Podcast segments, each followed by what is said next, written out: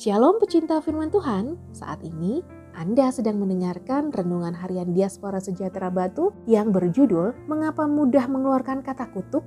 Bacaannya dari kejadian 9 ayat 24 sampai 29. Setelah Nuh sadar dari mabuknya dan mendengar apa yang dilakukan anak bungsunya kepadanya, berkatalah ia, Terkutuklah Kanaan, hendaklah ia menjadi hamba yang paling hina bagi saudara-saudaranya. Lagi katanya, Terpujilah Tuhan Allah Sem, tetapi hendaklah Kanaan menjadi hamba baginya. Allah meluaskan kiranya tempat kediaman Yafet, dan hendaklah ia tinggal dalam kemah-kemah Sem. Tetapi hendaklah Kanaan menjadi hamba baginya. Nuh masih hidup 350 tahun sesudah air bah. Jadi Nuh mencapai umur 950 tahun, lalu ia mati.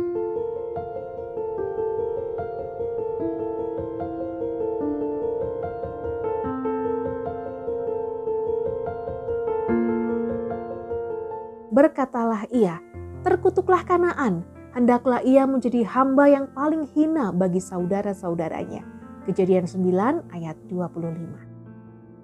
Allah menganugerahkan mulut kepada manusia bukan saja sebagai pintu untuk memasukkan makanan dan minuman yang menjadi kebutuhan tubuh manusia, tetapi Allah memberikan mulut supaya manusia bisa menceritakan perbuatan Allah yang ajaib kepada sebanyak mungkin manusia, memuji Dia dan memberkati sesama melalui perkataan. Perkataan yang membangun tentunya akan menyegarkan, menguatkan, dan memberi motivasi, bahkan bisa membuat orang lain terselamatkan dari dosa dan kegagalan.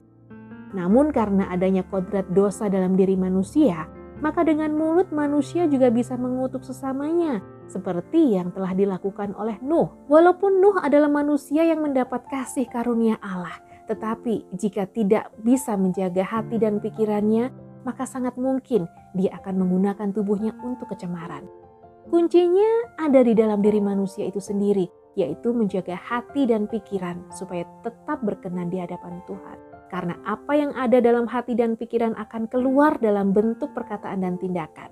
Mari kita koreksi diri kita masing-masing, apakah kita akan menggunakan perkataan dan tubuh kita ini untuk memuliakan Tuhan atau tidak. Betapa bobroknya manusia yang berdosa dan sangat mudah untuk tidak menghargai sesama ciptaan Tuhan. Berkaca dari peristiwa Nuh yang tidak menjaga hati dan pikirannya, sehingga ia mengutuk Ham anaknya sendiri Kiranya peristiwa tersebut tidak terjadi dalam hidup kita. Izinkan Tuhan menguasai hati dan pikiran, jadikan setiap gerak hidup kita berkat bagi sesama. Izinkan juga Tuhan menguasai bibir lidah kita untuk digunakan bagi kepentingan Tuhan. Jagalah hatimu dengan segala kewaspadaan karena dari situlah terpancar kehidupan. Amsal 4 ayat 23. Tuhan Yesus memberkati.